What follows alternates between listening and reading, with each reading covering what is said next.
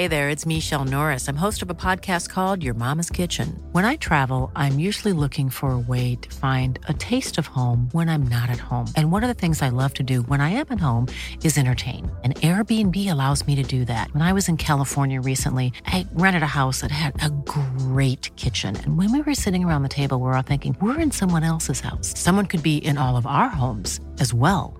If you have a home, but you're not always at home, you have an Airbnb. Your home might be worth more than you think. Find out how much at airbnb.com/slash host. Ik heb eh, eerst een aantal vragen, die mag jij aanvullen. We zijn begonnen trouwens. We zijn begonnen. We zijn begonnen. Ehm, lief zijn voor mezelf is... Jezelf gunnen. Ja? Wat gun jij jezelf? Ik vind het zo... Ik heb expres de meest cheesy vraag ever uitgekozen. omdat ik me niet kon voorstellen dat ooit dat wij dit soort gesprekken Nee, zouden nee, gaan nee. hebben. Maar oh, hoe ben jij echt lief voor jezelf?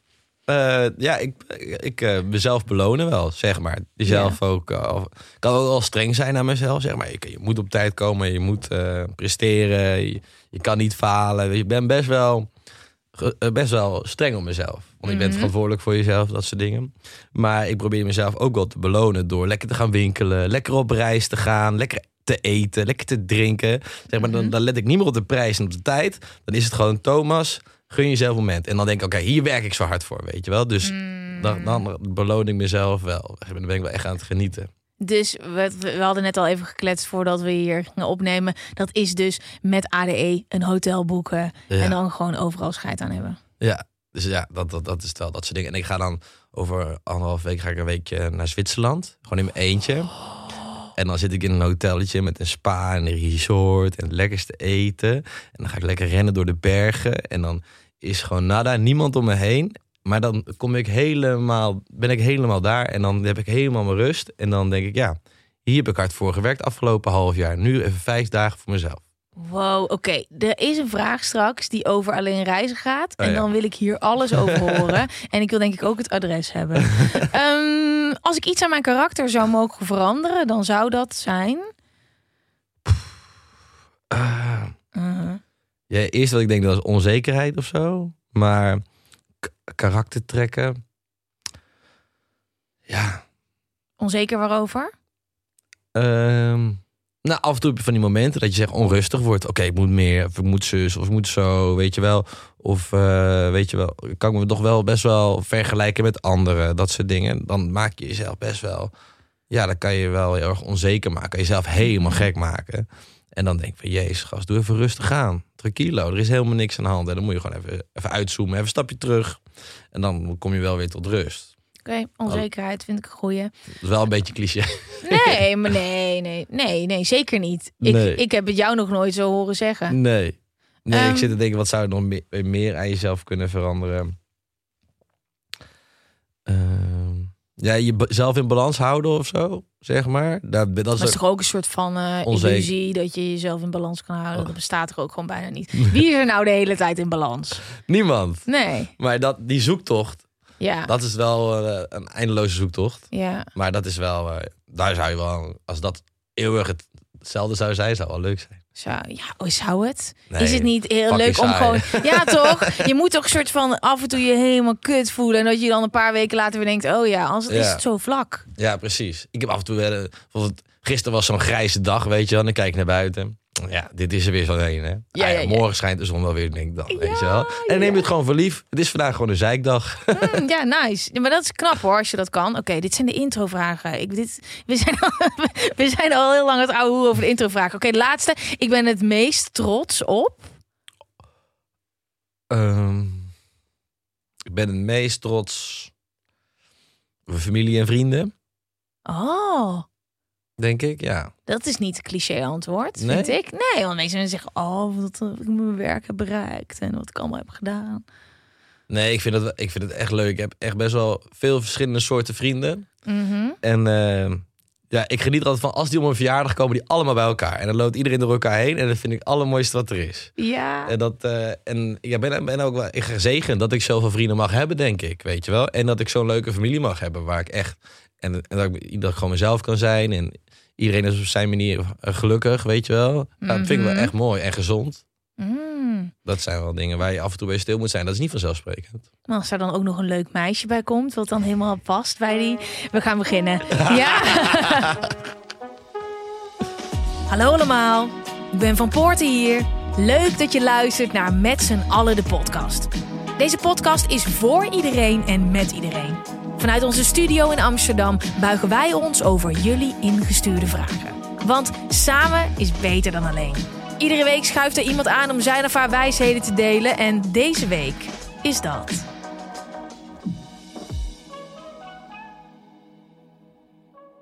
Hey, Thomas van der Vleug! Gooi je handen in de lucht!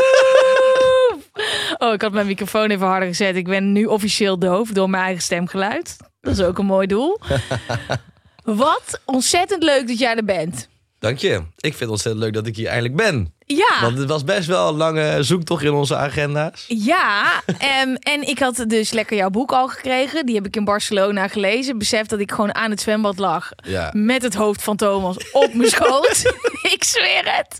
Ik zweer het. Met allemaal Oh. Nederlanders er ook omheen. Maar ik hoop dat je hem af en toe wel hebt weggelegd, zeg maar. Dat je dacht, nou, nu ga ik even van mijn vakantie genieten in plaats van een, een boek lezen. Ja, maar gast, jij zou die dinsdag komen en toen was jij er niet. En het boek moest nog gelezen worden. Dus ik heb echt wel op Barcelona. Jij was veel bij mij in Barcelona. maar dat is niet erg, want ehm, ik vond het heel tof om jou een beetje op een andere manier te leren herkennen. Ja, ik heb toen ik het boek eh, ging eh, maken, samen met schrijver Vincent de Vries, eh, dacht van, je moet het wel echt goed doen. Dus je moet helemaal bloot gaan. Want dat doe je maar één keer. Dus daar ben ik gegaan. En voelt dat dan ook veiliger op papier dan in het echt? Ja, want mensen moeten er wel iets meer moeite voor doen om alles over je te weten te komen, zeg maar. Maar dat heb ik dus gedaan en ik vertaal het nu naar podcast. ja, snap ja, je? Ja, dat is wel een beetje een soort van nice trick. Nee, Nee, nee, want, het is, want je moet het sowieso nog steeds gaan lezen. ja. Ik vind het heel, heel leuk. Maar ook, we gaan gewoon hele andere gesprekken voeren dan die we al ooit hebben gehad. Want wij kennen elkaar. Ja, Wat hebben wij allemaal samen gedaan? We hebben, ooit- roadtrippers. roadtrippers. De zomer van hebben we ooit met jou gemaakt. Ja, met, eh, in Nijmegen. In toen. Die Vierdaagse. En Eh. ik heb het gevoel dat we veel meer hebben samen hebben opgenomen. Maar dat is helemaal niet. Nee? Maar roadtrippers voelde wel gewoon alsof je samen... Ja, dat was toen met eh, Tess en eh, Shelly was je toen, hè? ja. Ja, dat was wel die hard, hè? Ja, hij is echt twee keer gestorven onderweg. Dat is echt Dat zegt dus iedereen die eraan meedoet, hè?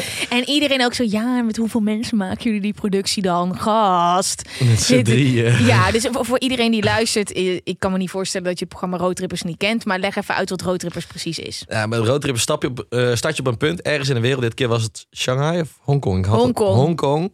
En dan zeg je nou, eh, tot over twee weken. En dan ga je gewoon liften. En na twee weken bel je krop, waar zit jij? En degene die het verst heeft gelift in die twee weken, Ja. zonder geld, dames en heren, die wint. Ja, en, En, je filmt dus alles. Ja. Dus het is niet zo van, hé, hey, we zien wel waar het schip strandt en eh, we vertellen het achteraf. Nee, je bent dus gewoon ondertussen een programma aan het maken. Ja, je bent dus aan het filmen, aan het liften, eten aan het hosselen, slaapplekken aan het hosselen, irriteren aan elkaar. Maar je hebt eigenlijk geen geld. Maar het is wel een van de allerleukste, avontuurlijkste programma's die er is, denk ik. Want je wordt door het programma gewoon gedwongen om dingen te doen die je nooit zou doen. Je zou denken, hé, hey, wij zijn hier in China, op de grens. Het is hier super grimmig. Laten we links gaan, want daar is het minder grimmig. Nee, je gaat rechts, want je weet dat dat de kans is. De grootste kans is dat je gaat winnen en dat je weer kilometers kan maken. Ja. Je doet gewoon zulke lijpen. Ja, maar het is ook wel weer mooi, want je hebt die camera bij en daar kan je best wel veel mee voor elkaar krijgen. Mhm. En, en je komt gewoon echt in bijzondere situaties terecht die je nooit meer gaat tegenkomen. Ja, ik heb regelmatig genoeg flashbacks Ja, naar, wij hebben naar die reis. Ik Ja, vind jij hebt ook- er zoveel. Hoeveel seizoenen heb je gemaakt? Zeven of zes of zo, ja. Maar Ja. dit zijn wel... China was wel echt een van de lijpste seizoenen. Amerika was een van de lijpste seizoenen tot nu toe, denk ik wel. Ja, waarom Amerika? Ja, daar gebeurde gewoon zoveel. En je spreekt die taal, dus je krijgt gewoon veel meer voor elkaar. Ja, Dat ja. was echt goud. Ja, ja, maar. China was gewoon één grote cultuurshock. Ja. Het was geen, was geen gesprek te voeren. Nee, mensen gingen dus ook eh, alleen al met een treinstation. Toen kwamen we van Hongkong naar China. Toen moesten we daar weer uit. Gingen ze gewoon in onze telefoons kijken en zo. En in onze, eh, onze tassen. Gewoon op een treinstation, hè? Oh ja. Wij, wij hebben ook echt rare dingen ermee gemaakt. Dat we een staanplaats hadden geboekt in de trein. Ja. Zaten we in een, in een bar alleen maar te drinken. Meest sterke China, eh, drank uit China die ik ooit gedronken heb. Bijvoorbeeld in Rusland de meest bizarre dingen meegemaakt. Ja, dus wij, wij kennen elkaar. dat is de conclusie. Ehm, Van begin het einde. ja, want wij hebben daar in Hongkong hebben we toen nog even zo'n avondje. Oh mijn god, hadden we toen niet echt onwijs gezopen? Ja, was wel gezellig volgens mij. Ja, maar wel dat ik, ik weet wel dat we de volgende ochtend opstonden. Dat ik in één keer besefte, oh ja, We gaan vandaag. we gaan dit programma doen. En we hebben gewoon echt wel, ja, dat weet ik nog Ja, wel ja. ergens. Maar, conclusie, ehm, we kennen elkaar, maar niet zo goed als dat we elkaar vandaag gaan leren kennen. Nee, nee, nee. We zijn nooit de diepte ingegaan. Nee, maar dat is nooit. En ik had ook niet echt per se het gevoel dat jij dat. eh, jij was gewoon. Ik heb het gevoel dat jij de afgelopen jaren echt wel heel erg on- verder ontwikkeld bent of veel meer daarvoor open staat. Ja, ik ben er wel veel meer mee bezig. Ik heb dat wel jaren zeg maar weggestopt. Daar, daar heb ik geen zin in, geen tijd voor, laat me zitten. En de laatste, tijd, de laatste jaren wel weer daarvoor opengesteld. En ook wel weer eh, mee bezig geweest. Hoe komt dat dan? Is dat gewoon ouder worden? Eh, omdat ik me veel te veel druk ging maken. Ja. Zeg maar. Dus oké, niet over nadenken, niet mee bezig zijn. Gewoon doen wat je moet doen. Mhm. Dan is het allemaal wel goed. En op een gegeven moment kwam dat toch elke keer weer terug van... hé, wat ben je nou aan het doen? Ben je bewust van waar je mee bezig bent? Waar wil je heen? Dat je alleen maar zelf vragen stellen. Mhm. En maar ja, als ik daarmee bezig ging, kreeg ik paniekaanvallen. Dus oké, niet over nadenken. Gewoon ga, doen wat je moet doen, zeg maar. Op een gegeven moment ging dat toch niet lekker. En toen ging ik toch maar met een coach praten. En echt paniekaanvallen, als in hoe voelt een paniekaanval voor jou? Want het is natuurlijk voor iedereen anders. Onrustig, niet kunnen slapen, zweten. ehm, gewoon één klap overal onzeker over zijn. Niet weten wat je wil eten, niet weten wat je aan wil trekken. Niet weten waar je naartoe wil gaan. Niet weten of jij uit bed wil komen. Gewoon niks weet je zeker. Je Fuck. over alles onzeker. En dan is blinde paniek. En dan zit je soms... Ik heb wel eens gehad dat ik trillend achter het stuur zat. Ik eigenlijk kon niet rijden, weet je wel. En dan... eh, Mhm. ja, jankje aan de binnenkant, zeg maar. Ja, en, en hoe is dat dan voor jou geweest? Omdat je, je zit toch best wel in een machine, lijkt me. Want met stuk tv. Ja, dat, dat is een eh, trein. Die gaat af en toe heel hard en soms gaat hij iets langzamer. Maar het is eigenlijk nooit een stoptrein. Hij gaat altijd. En hoe is dat dan om, om te merken dat het dan gewoon even echt niet meer gaat? Ehm, dat is wel heel moeilijk, weet je wel. Want je hebt een team. Weet je wel, ik heb altijd gehockeyd. Dus het stuk TV-team voelt ook als een hockeyteam. En je staat altijd klaar voor elkaar, weet je wel. En je, staat, je speelt samen in die wedstrijd. Je bent aan het presteren. Je wilt winnen. Je wilt scoren. Je wilt de beste zijn. En eh, als je dan jij niet voor jezelf kan staan, dan laat je een soort van je team in de steek. En dat is het Mhm. kutste wat kan gebeuren natuurlijk. Hè. Laat staan dat je jezelf niet eh, kan verantwoorden. Oké, maar als je jezelf niet kan verantwoorden tegenover je team, dat is helemaal kut. Weet je wel? Dus dat, dat vond ik altijd wel super heftig, zeg maar. Als je dan zeg maar tegen je gasten moest zeggen, ja, ik weet niet, dit, dat, zus, zo. En toen, wat er toen gebeurde, dat die gasten zei, hey, misschien moet jij even een stapje terug doen. En misschien moet je even aan jezelf gaan werken. En dat was eigenlijk het beste wat er kan gebeuren op zo'n moment. Wilde je dat ook op dat moment? Of Eh. eh, is dat ook niet eng? Dat, dat je gewoon even uit iets stapt en gewoon heel even uit de spotlight gaat. En gewoon heel even. Is dat dan ook niet eng als je zelf dan even aan de noodrem trekt, zeg maar, voor die. Nou ja, of voelde dat niet zo? Je denkt altijd van, oh, dat heb ik niet nodig of dat gebeurt mij niet, want eh, ik, eh, ik heb mijn shit together, weet je wel. En eh, toen dacht ik, nee, het kan helemaal geen kwaad. We zien het wel. Als het niet klikt met die coach, dan klikt het niet. Dan gaan we gewoon wel weer verder. Proberen kan altijd. En het klikte eigenlijk wel heel goed. En het was eigenlijk wel fijn om iemand, iemand te praten die wel mij begreep welke wereld ik zat en wat ik meemaakte. Mhm. Dat was het moeilijkste natuurlijk. Wij zaten nu met stuk 2 in zo'n sneltreinvaart. YouTube was booming. We tikten de miljoen abonnees uit. Tikten er 2 miljoen abonnees aan. Iedereen had over stuk tv dit. Naar RTL, toen naar Talpa. Maar niemand begreep wat, echt, wat ik nou eigenlijk aan het doen was. We deden 100 optredens per jaar. We maakten 200 video's. Ik was elke dag pleuris aan het werk, zeg maar. We reisden heel de wereld over. Ik was letterlijk mijn droom aan het leven. Maar niemand wist wat ik aan het doen was. Want dat was nog nooit gedaan wat wij deden. Mhm. En dus ik kon ook niet met vrienden of met mijn ouders praten. Die snapten er ook helemaal geen snars van. Wat is hij nou aan het doen? Ja. En, dan, eh, en toen kwam ik dus bij een coach terecht. Die snapte wel welke wereld ik zat. Ik dacht, ah, eindelijk iemand die mij een beetje kan helpen. Fijn, fijn. En, en, en dit is, ik heb natuurlijk je boek gelezen, dus ik kan niet doen of ik niet weet wat het is. Maar je hebt dus coach gevonden, super fijn. Ja. Daar heb je een traject mee gehad en die spreek je nog steeds af en toe, toch? Ja, ja, steeds eh, maandelijks spreken we hem eigenlijk. En dan sparren we gewoon. Dus, hoe gaat het? Welke dingen lopen er? En dan zeg ik van, nou, hier, hier zit ik mee. Ga nou, eh, focus hierop. En eh, ga daarmee aan de slag. En dat, dat is ook, ik dacht van, het is natuurlijk heel raar om alleen met iemand te spreken als het slecht gaat. Dat is Ja. een beetje lullig voor hem. Ja. En als het goed gaat, kan het misschien nog beter gaan. knullig voor hem. dat snap ik. Dat had ik ook bij mijn coach. Dat ik dan zo, ja, is ook niet gezellig dit. Maar ja, daar gaat het natuurlijk Nee. helemaal niet om. En dan merk je als het goed gaat, kan het misschien nog beter gaan, weet je wel. Mhm, ja, En, en da- dan ga je echt stappen maken en leer je jezelf beter kennen. En eigenlijk weet ik al hoe het gesprek met hem gaat als ik naar hem toe ga. Want ik zeg, ja, ik zit hier mee. Dan, hij, dan gaat hij dit, dit, dit zeggen. Dan ga ik dit zo zeggen. En zeggen. maar dat komt dat we elkaar nu al vier, vijf jaar kennen. maar het leuke vind ik dus dat ik dus echt zie dat er iets met jou is gebeurd. Ja. En dat is als ik aan de buitenkant kijk. eh, ook als ik jou helemaal niet zou kennen. Hoe het nu voor jou eruit ziet. Je bent met zulke vette dingen bezig. En het is ook echt als ik lees in je boek. Dat je ook gewoon wel wat meer op zoek was naar dingen die je voor jezelf kon doen. In je eigen creativiteit. Ja. Wat er nu op dit moment allemaal is. Natuurlijk Stuk TV. Je hebt je eigen serie daar. Ja. Onmogelijk. Ja, die hebben we net gemaakt. En dat was eh, ja, heel lang traject. Maar we hebben natuurlijk vroeger deden we al die opdrachten. Mhm. En dat deden we om zeg maar aan het ritme van YouTube te voldoen. Maar op een gegeven moment waren wij alle drie niet tevreden met de kwaliteit van die video's. We wilden, weet je wel, groeien, wilden hoge kwaliteit. Ja. Maar niemand durfde die stap te maken, want YouTube ritme, views, bla Uiteindelijk. Kut algoritme. Ja, dus uiteindelijk hebben we dan wel eh, testen gedaan, weet je wel, met miniseries. Nou, dat scoorde best wel goed. Nou, heb je die zomerperiode. Dus uiteindelijk hebben we de keuze gemaakt, oké, we gaan eigen series maken. We gaan grotere series maken, meer tijd, betere kwaliteit. En eh, toen we elkaar de kaart, vrijkaart gegeven, gaan we een eigen serie maken. En daar komt ook weer een stukje druk bij spelen. Want nu moet je het wel waarmaken, weet je wel. Ja. Je hebt je hard gemaakt, zeg maar, dat we deze kant op willen. Ja. Nu moet je dan ook met een hele goede serie komen. Dat was natuurlijk wel echt heel spannend. Maar eh, uiteindelijk is het wel echt geslaagd. There's never been a faster or easier way to start your weight loss journey than with PlushCare. PlushCare accepts most insurance plans and gives you online access to board-certified physicians who can prescribe FDA-approved weight loss medications like Wigovi and Zepbound for those who qualify. Take charge of your health and speak with a board-certified physician about a weight loss plan that's right for you.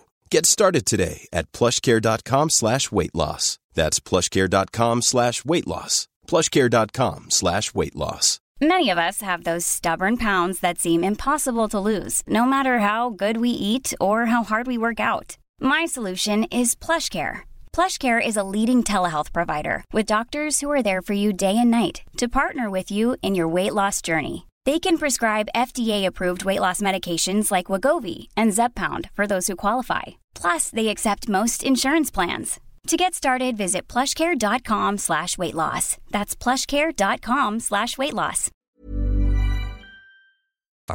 Ja, en daarnaast is er een boek natuurlijk gekomen. Ja. Heb je jezelf helemaal gek getraind Ja. voor de mensheld? en dat kwam eerst. En toen hoorde ik al een beetje dat je misschien de bachelor zou worden. En nu word je dus ook gewoon de bachelor.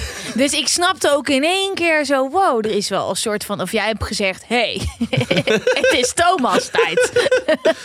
Nee, het is wel eh, ook twee jaar geleden eigen management genomen, zeg maar. oh, Of zeg maar ook wel een eigen pad te gaan creëren. dat wist ik niet. Nee. En daarmee hebben we gezegd van oké, hoe kunnen we ook aan het merk Thomas werken, zeg maar. Weet Ja. je, naast stuk tv, stuk tv, een stuk prioriteit. Dat is gewoon mijn team. Het versterkt toch elkaar allemaal. Ja. Exact. En eh, daarnaast heb ik zelf ook gewoon heel veel leuke ideeën en ambities. En daar moeten we ook zeker tijd voor creëren. Nou, en dat, is natuurlijk, dat moet wel in evenwicht zijn, maar dat zijn we nu wel aan het doen. En een van die ambities is vrouwen. Dus waarom ga je dan niet gewoon meedoen met de bachelor? Ja, Ja. sorry, ja, ik wil het daar gewoon over hebben, Ja. want ik heb hier helemaal zin in. Nee, luister, dit is natuurlijk top. Dit is toch, ik kijk die oogjes zo.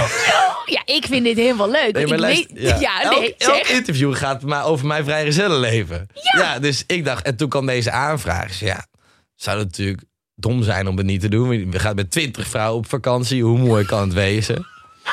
En als, Is het al opgenomen? Nee. Nee, nee, we gaan binnenkort. En dan en zo meteen komt er ook nog iets leuks uit, weet je wel. Dat zou natuurlijk helemaal kassa zijn. Dat zou ook de allermooiste zijn wat er is. Dus ja, en het is natuurlijk weer een nieuw avontuur. En vroeger zei ik tegen best wel veel dingen nee, nee, dus misschien moet ik dat niet doen. En nu denk ik vaak, ja, moet ik wel doen. Nieuw avontuur, nieuwe energie. Ik dacht dat jij een relatie had laatst, niet zo lang geleden nog. Nee, dat is wel een half jaar geleden. inmiddels. Maar je bent ook niet iemand die de hele tijd dat post natuurlijk. Je bent Nee. niet iemand die dat heel erg... eh, Nee, ik, vind, Oh. ik heb wel verschillende relaties gehad. Mijn laatste relatie was een half jaar geleden. Eh, maar dat was het uiteindelijk toch niet. Nee, ja, ik dacht dus helemaal, want je bent ook verhuisd. Dat ook nog. Ja, ja. Je bent verhuisd naar het gooi. Ja. ja, maar ik zie, ja oké, dit- het- alle puzzelstukjes vallen een beetje zo samen. De Bachelor, fucking veel zin in. Ja. Jij, vind je het spannend? Ja, super spannend. Want ik heb natuurlijk dit helemaal niet zelf in de hand, hè? Jij, ja, je bent in één keer gewoon te gast in iemand anders programma. En je moet gewoon lekker staan en Ja. gewoon leuk doen. Ja. En ja, Nou ben ik hier wel heel goed in, daten en vrouwen. ik weet niet of dat helemaal de bedoeling is. maar het is normaal ben je zelf de programmamaker. Dus Ja. je bedenkt zelf, oké, wat voor situatie gaan we creëren? Wat wordt mooie tv? Dus ik zit ook bij die productie. Hé, wat gaan we doen? Zus gaan we doen. Kan je mij dit nog even opsturen? Kan ik nog even meedenken? Ander shotje, jongens. Ander Ja, shotje. ja, Ja, precies. En dat is waarom ik niet snel met een programma meedoe. Nee. Omdat ik heel erg in mijn hoofd ga zitten. Ook met jullie gaan het helemaal kapot knippen.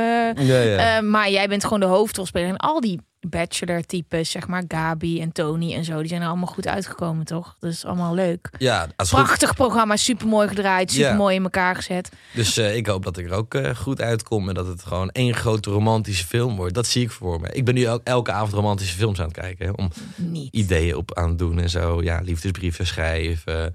Eh, weet je wel, dan zie je dat het altijd op een moment komt dat, zeg maar, dat ze niet denken dat ze verliefd worden, maar toch wel verliefd worden, weet je wel.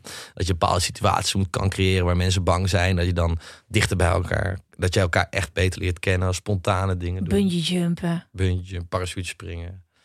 Overboord slaan op een boot en dan elkaar redden. Eh. nee. Maar doe je dat zeg maar cinematografisch of wil je echt een hart veroveren? nee, hard veroveren natuurlijk. Oh. De romanticus Thomas komt zo meteen naar boven. Mm. En, en wat hoop je? Ja, ik hoop dat er gewoon dat er een paar meiden tussen zitten die me echt leuk vinden. En waar ik echt mee een band kan creëren. Dat zou ik mooi vinden. Want de vrouwen die meedoen, die houden per definitie natuurlijk ook wel van een avontuur. Anders zou je natuurlijk nooit aanmelden voor zo'n programma. Ik dacht dat je ging zeggen, de vrouwen die zich gaan aanmelden houden per definitie al van Thomas. nee, het is wel waar. Ze, ze moeten wel naar jou kijken en denken, oké. maar heb je ook niet, hè? Als ik even een soort van advocaat van de duivel eh, ga spelen, dat je denkt, de types die meedoen, die vinden mij ook wel leuk, omdat ik Thomas ben van Stuk TV. Ja, die moet je er een beetje uitzien te filteren. Hoe doe je dat? Nou, ze moet, je moet elkaar leren kennen. Ja. Dus zij leren mij nu ook op een andere manier kennen. Mhm. En een paar zullen zeggen, wat een softie, wat een broekje, dat wil ik helemaal niet, weet je wel. En sommigen zullen zeggen, oh, hij is nog veel leuker in het echt, misschien. ja. En dan, eh, en die, die alleen maar voor de bekendheid komen, die moet je gewoon meteen naar huis sturen. En dan hoop je dat ook meiden tussen zitten die gewoon van een avontuur houden. En die zitten in dat programma. En die geloven misschien ook weer in die roze volk die naar dit programma komt. En dan zie je Heb je wel. iemand met kerst? Wanneer ga je weg? Dat mag je nou allemaal niet zeggen, hè? Maar je gaat weg en er is een kans dat je met iemand, zeg maar, met kerst bent. Ja, ja, ja. Ja, ja, ja.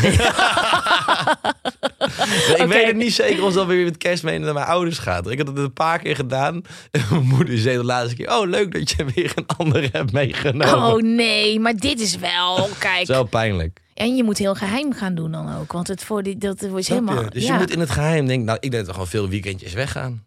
naar. Maar ja, luister, dat weet jij ook. Nederlanders zijn overal. Ja, dus je moet Op niet... iedere uithoek. Ja, dat is bizar. Overal zijn Nederlanders. Eh, dus je moet dan heel voorzichtig zijn natuurlijk. Ja, met Mm, vermommingen gaan werken. is ook wel weer grappig. leuk. Maak er wel iets leuks van.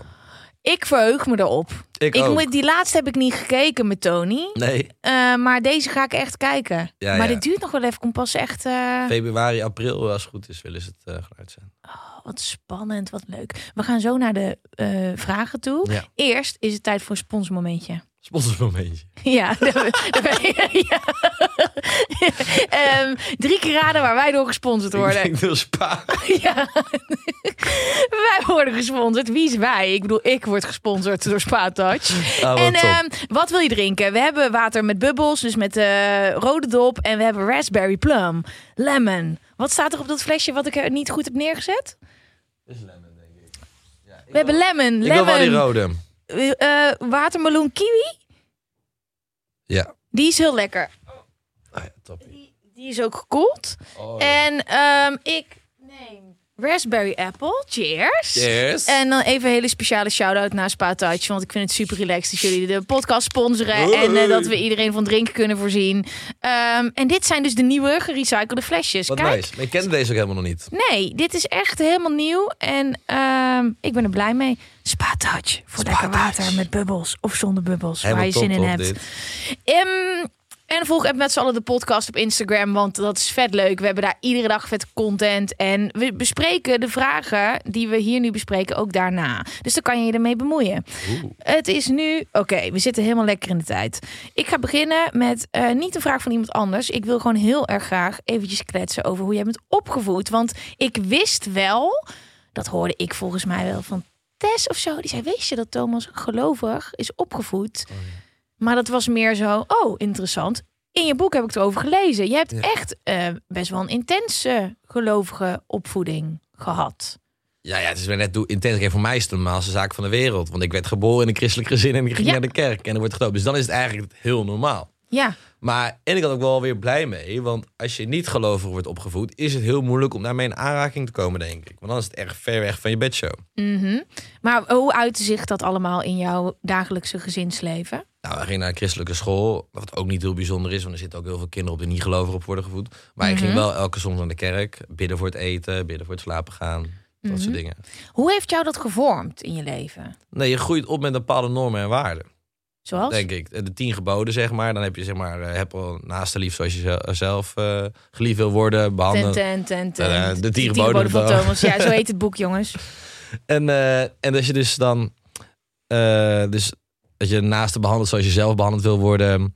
eh, dat je om vergeving kan vragen en geven, weet je wel. Eh, Mhm. Ja, dat, dat zijn wel hele mooie dingen, weet je wel. Dan denk je, denk je dus niet heel tot zwart-wit. Van jij bent de sukkel, je hebt dit gedaan. Nee, jij bent de sukkel, je verdient wel een tweede kans. En dat vind ik wel mooi. geloof je ook echt in iets?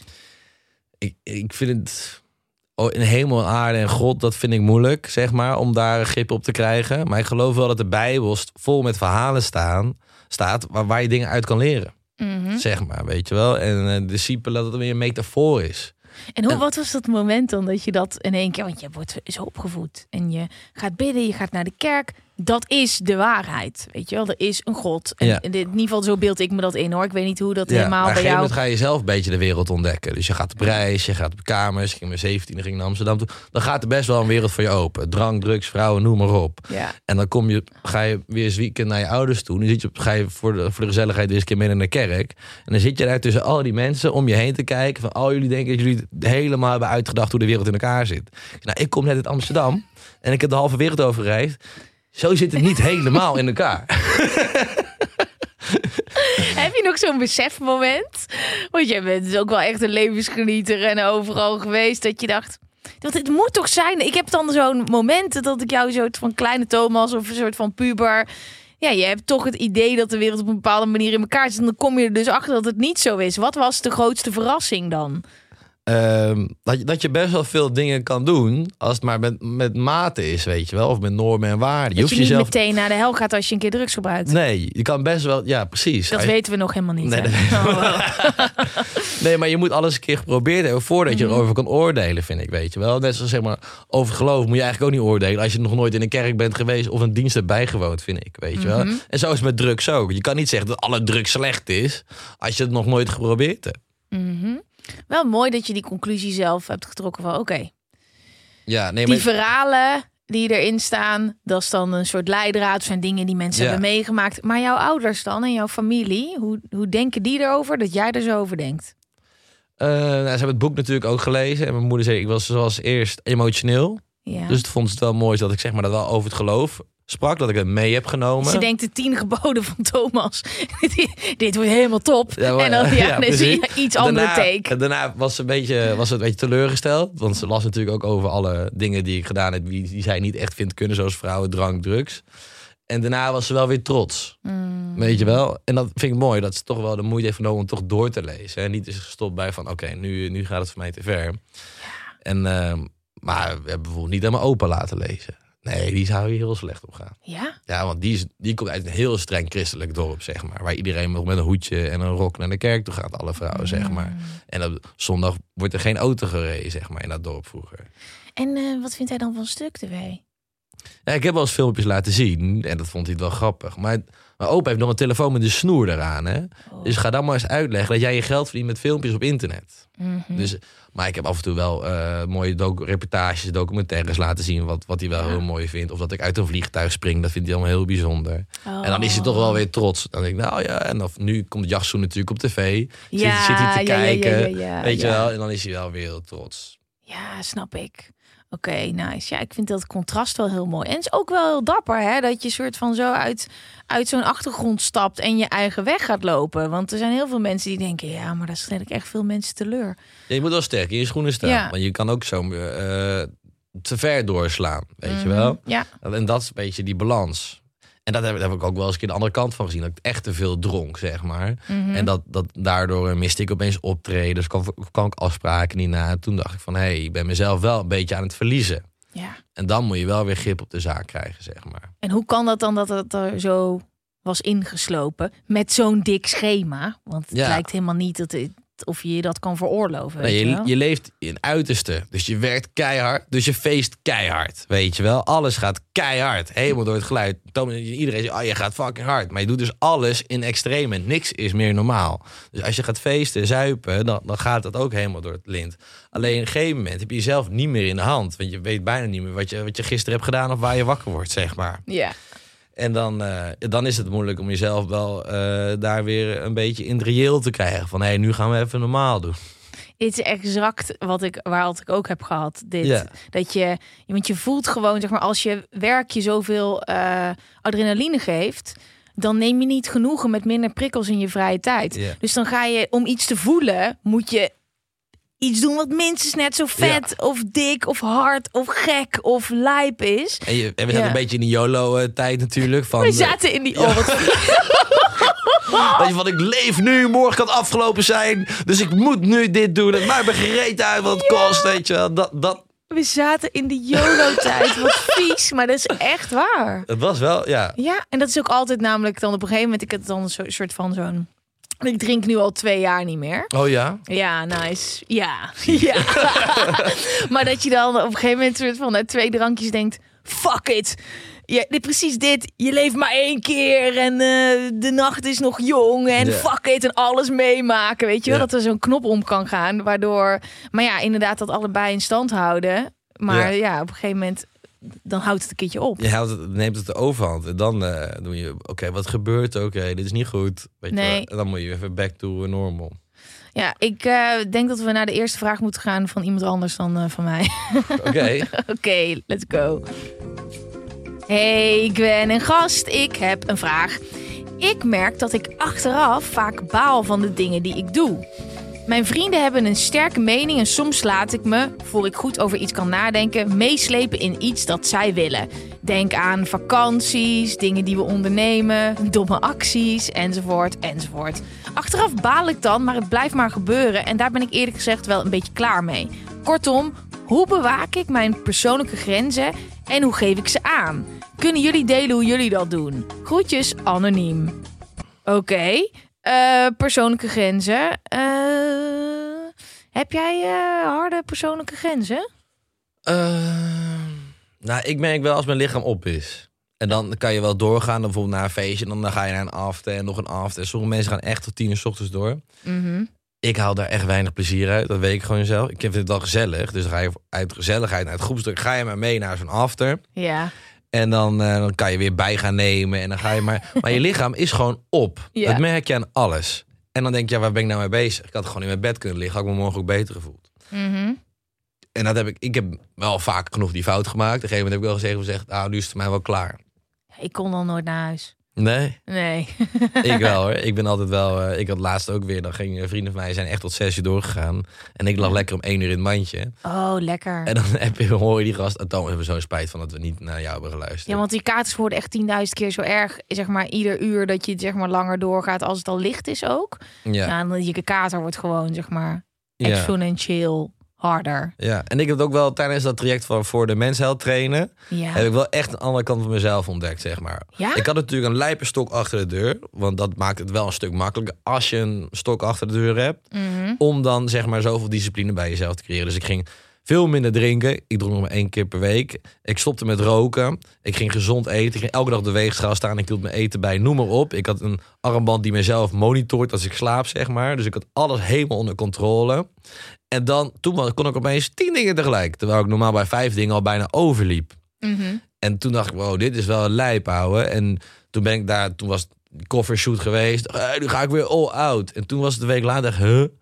Ik mis zoveel structuur in mijn leven. Ik ben nu alweer eh dat ik merk dat ik te druk ben. Terwijl ik doe eigenlijk niks, weet je wel? Ja. Ja, oh, Dus slim merk- dat, je, dat je het ook tussen je oren heel erg verandert. Ja, dus ik merk nu van, oké, als ik gestructureerd leef, weet je wel, dan kan ik veel meer. En dan heb ik eigenlijk veel meer energie. En dan kan ik nog meer genieten eigenlijk. Ben je nou ook weer dat aan het volhouden? Ben je dat een beetje in stand aan het Ja, houden? ik ben nu, nu wel weer aan het oppakken. Natuurlijk, je gaat naar de bachelor gast. Je moet daar Ja, gewoon dat echt... moet wel weer een beetje Ja. fit zijn natuurlijk. Ik snap het. Ja, ik snap het. Ja, ik heb een, een keertje iets gezien van jou en ik probeer het even. Ik moest hier aan denken toen ik deze vraag las.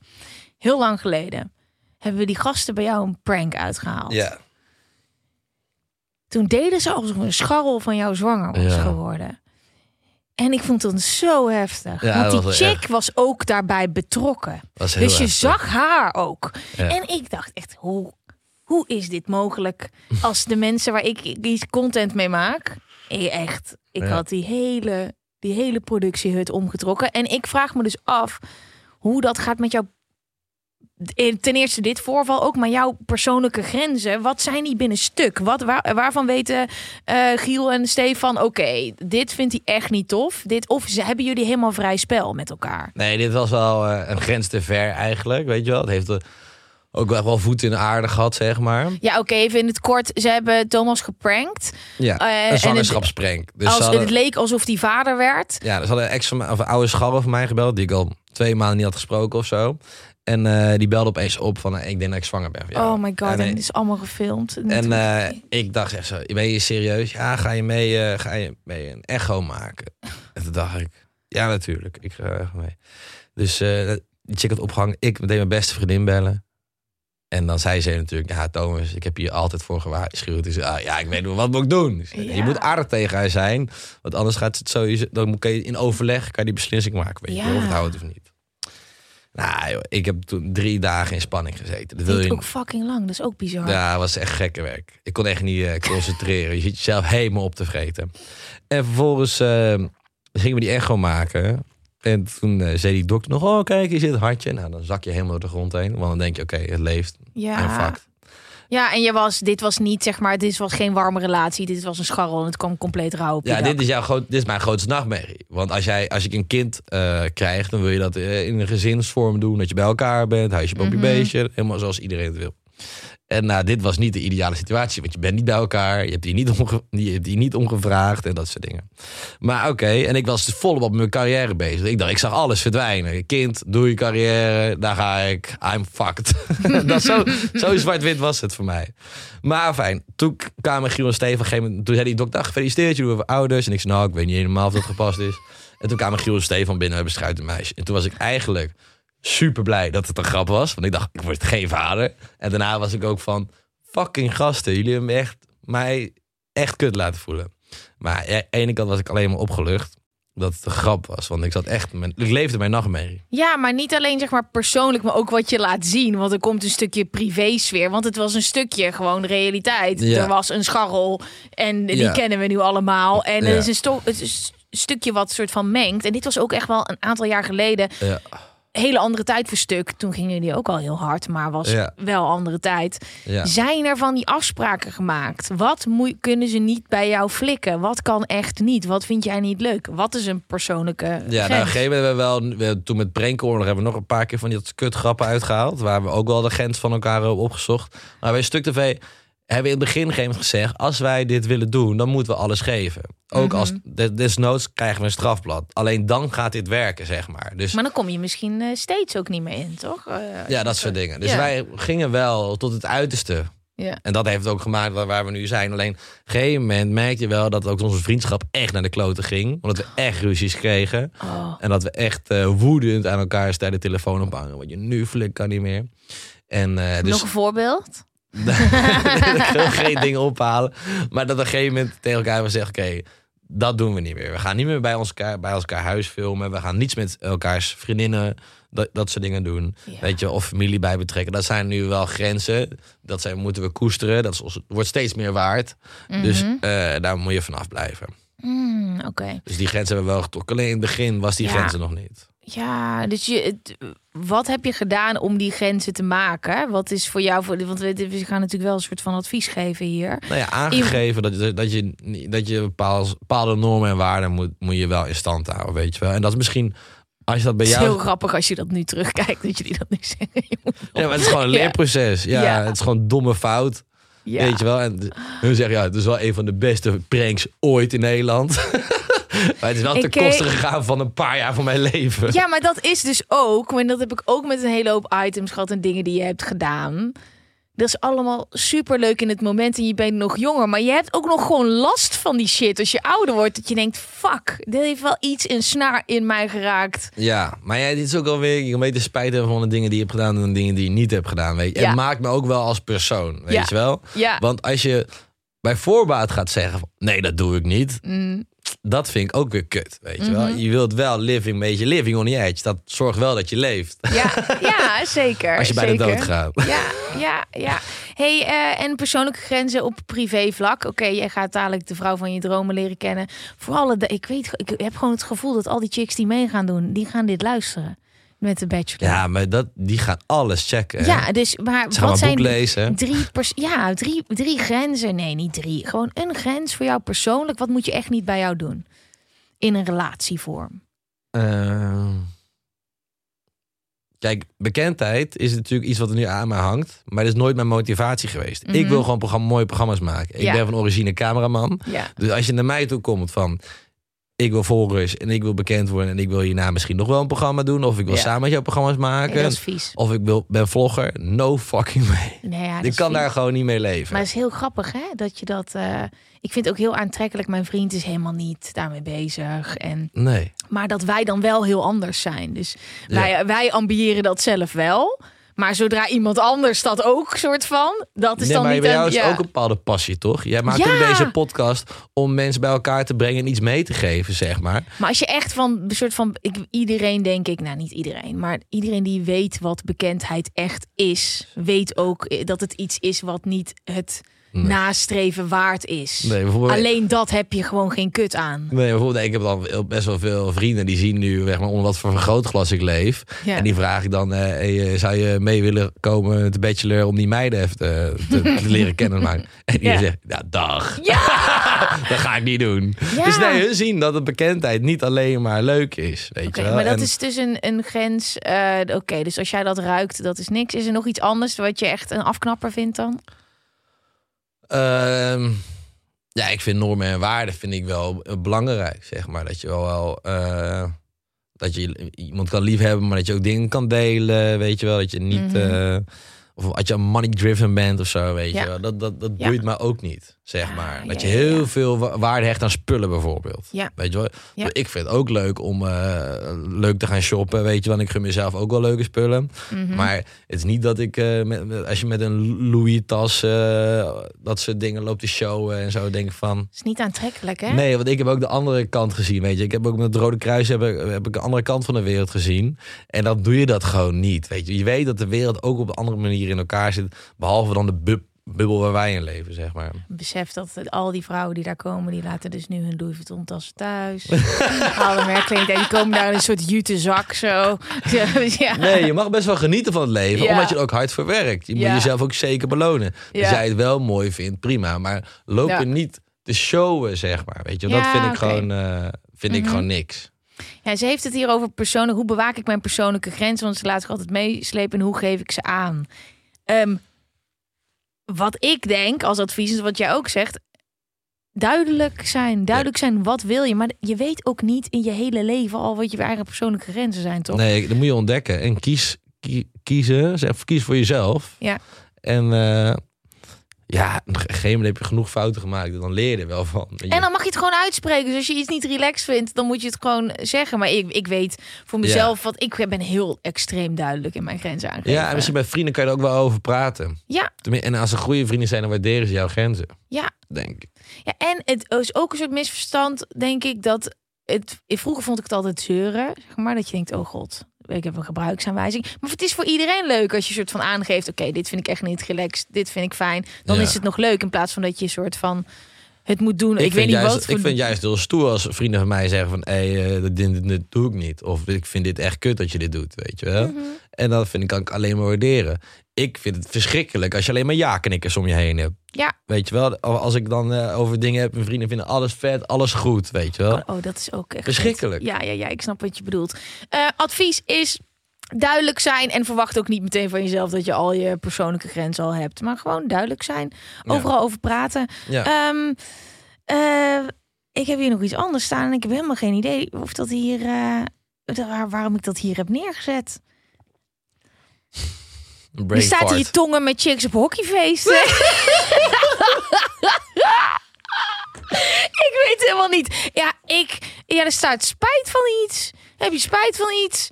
Heb je spijt van iets? Ja, Of ik weet helemaal niet hoe dat met persoonlijke grenzen te maken. Oh, ik weet nu wel weer wat, waar dat. Ja, ja ik vond het opvallend. Ehm, jij bent begonnen met presenteren en gewoon gas geven en gewoon formats bedenken. En dan in dat format ging jij naar allemaal hockeyfeesten Ja, toe. ja, ja. En dan ging je dus met vet veel chicks tongen. Ja, klopt. Maar heb, Ik dacht, dat is uniek als presentator. Ja, luister, je zit dus echt in gedachte achter. Iedereen denkt, ah, die gozer is gek. Die gaat gewoon zoveel mogelijk meiden tongen voor de camera. Maar ik dacht, nee, kijk, die vriend van mij die organiseerde feesten. En die vroeg, kan je een aftermovie maken? Zo, dat kan. Maar ik was altijd op zoek aan, oké, waarom gaan mensen deze aftermovie kijken en niet al die andere aftermovie? Ik wilde me onderscheiden. ja. Dus ik dacht, dan ga ik zelf verslag doen en op die manier de juiste sfeer overbrengen in de video. Wat resulteerde is dat ik zoveel mogelijk meiden ging zoenen op camera. En dat ik mensen ging interviewen die aan het tongen waren. Want er werd gewoon heel veel getongd. Ja. Maar die video's gingen helemaal viraal. Hè. Dat ging Ja, helemaal hè? erg. En toen was er nog geen eh, Facebook. En nou, het was wel, toen was er nog nog hypes. geen me too. Toen was er nog hypes. Ja. En niet iedereen was zich zo bewust van zeg maar, het internetfenomeen. Dat er iets werd gefilmd, dat kwam op het internet en dat ging dan viraal. Dat was nog uniek. Ik weet het. Dit waren de gouden tijden. I know. Dat waren ook de tijden nog dat er echt veel internetgekkies eh, geboren werden. Toen gingen mensen nog de hele tijd voor je fucking grote camera staan en denken dat het een fotocamera was. Ja. Zelfs als je met een microfoon was. Ja, dat is, Ja. ja. Maar ik, ben ook, ik heb dat ook verpest, zeg maar. Ja, ja, het is same. Ja, met alles op straat ook en Ik zo. heb ja, ja, van ja. gemaakt. Ja, ja, maar ehm, is dat iets waar, waar je spijt van hebt? Ik weet niet waarom ik, dat, waarom ik dat aan jou wilde vragen, want natuurlijk heb jij daar helemaal geen spijt van. Nee, ik vond het wel een mooie tijd. En het staat, ik kan nog steeds die filmpjes laten zien. Het staat inmiddels wel verborgen of zo. Maar dat kan nu nooit meer. Nee. Dat is toch ook gek, hè? Op Dat- een gegeven moment zijn die grenzen van de camerawereld Ja. totaal weggevaagd. Want toen ik opleiding Nederlands cameraman werd tegen mij gezegd... je mag nooit iemand met een draaiende camera overvallen. Behalve criminelen en politici. Oh ja, die regels heb ik nooit meegekregen. Nee. En toen kwam zeg maar Poont. En toen kwamen vloggers. En die gingen al iedereen op straat. Bam, ik met de ging camera. mensen echt gewoon achter ze staan en omhoog poppen gewoon. Ja, ja. ja. Ja, en, dat, en daar werden mensen ook op een gegeven moment gek van. Toen kwamen die privacyregels. Nu is er een privacywet. Hè, dat je niet zomaar iemand op straat mag filmen, zeg maar. Maar wel eens toestemming geven aan de camera. Dan wel. Dus eh, die regels zijn gelukkig aangescherpt. Maar dat was ook wel lijp hoor. Dat ja, ben jij. leuk. Hmm. En eh, we vinden het ook grappig wel in de, het soort kader van normen en waarden waar jij het de hele tijd over hebt. Is dit natuurlijk een soort van andere kant van het spectrum. Niet dat het fout is, want die Nee. chicks wilden allemaal heel graag. Ja, ik Maar zei altijd, wel- ik ging in mensen niet eh expres voor schut zetten, maar als zichzelf voor schut zetten. Ja, wie ben ik om dan om jou tegen jezelf te beschermen? Dat is een beetje die grens, weet je Ik, wel. weet je hoe ik denk dat karma jou ooit gaat pakken? Jij gaat drie dochters krijgen. Ik weet het zeker. Ik, jij gaat gewoon drie dochters krijgen. Ja, dat zou ik ook wel mooi vinden. Dat zou wel mooi zijn. Nee, maar ehm, ik, eh, ik, ik denk dat het met, eh, wat was het, persoonlijke grenzen. Ik denk gewoon dat dat, voor jou is dat nu ook heel erg veranderd, toch? Dat dat vroeger iets was wat jij zo deed. En dat je ook nu een hele andere league bezig bent met programma's maken. Maar toen was het, was gewoon een hele andere tijd. Ja, je bent dan nog echt wel aan het experimenteren en je bent gewoon Ja. toffe dingen aan het maken en je wilt viraal laten gaan en zo. Maar nog steeds had ik toen wel meer normen en waarden dan tegenwoordig sommige media, denk ik. Maar, uh, ja, maar dit was gewoon fun. Ja, dit en nu probeer je, heb je wel heb je, je bereik opgebouwd en nu wil je dat bereik ook inzetten op inhoudelijke dingen te vertellen, ja. weet je. En dat is wel mooi. Ja, ik ga even kijken hoe lang wij zitten. Oh, wacht. Ik ga deze aflevering afsluiten. Oh. Want we gaan door naar de volgende aflevering. Oké, jongens. Uh, dit was hem. Um, over, even kijken. Twee dagen staat weer een nieuwe aflevering live. Deel 2 wordt super gezellig. Ik heb allemaal hele leuke vragen. Onder andere over monogamie en geld. Uh, en uh, voor het geval je nog niet door had. Deze aflevering is gesponsord door Spa Touch. Doei! Hoi hoi. En ik denk dat als het dan daar zo uitkomt, weet je wel, dat je vindt elkaar en het sluit elkaar aan, dan heb je er misschien wel echt veel aan. En dan ga je er wel ook wel echt veel energie uit krijgen. Dan ga je mooie dingen samen beleven en opbouwen. Ja. Iedereen ging een gegeven moment knijthard. Iedereen was alleen maar content aan het maken. Elke dag vloggen, wekelijks vloggen, maandelijks vloggen, twee keer per dag vloggen. man, man, man, man. Mensen gingen als een jekko. Iedereen dacht, we moeten scoren, we moeten doorpakken. Weet je.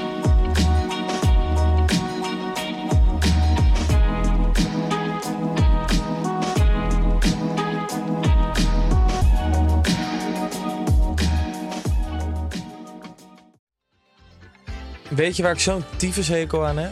Toeristen, als het te druk is in de stad, zelf koken. Ja, alles wat je nu zojuist benoemt. En daarom maken jij, denk Daan Hogevorst... En Robert Rodenburg. Een podcast waarin we alleen maar klagen. Want klagen is HET medicijn tegen het collectieve leed wat maandag heet. Dus elke maandagochtend een nieuwe te horen op je favoriete podcast-app. Maandag Klaagdag! Jezus, zingen moeten wij nooit doen. Dit is vervelend. We hebben nog 30 seconden advertentieruimte beschikbaar, maar jouw merk zit er niet in. Wil jij deze ruimte beter benutten en staan waar voorheen HelloFresh of Samsung stonden? Mail dan naar adverteren@tonymedia.nl.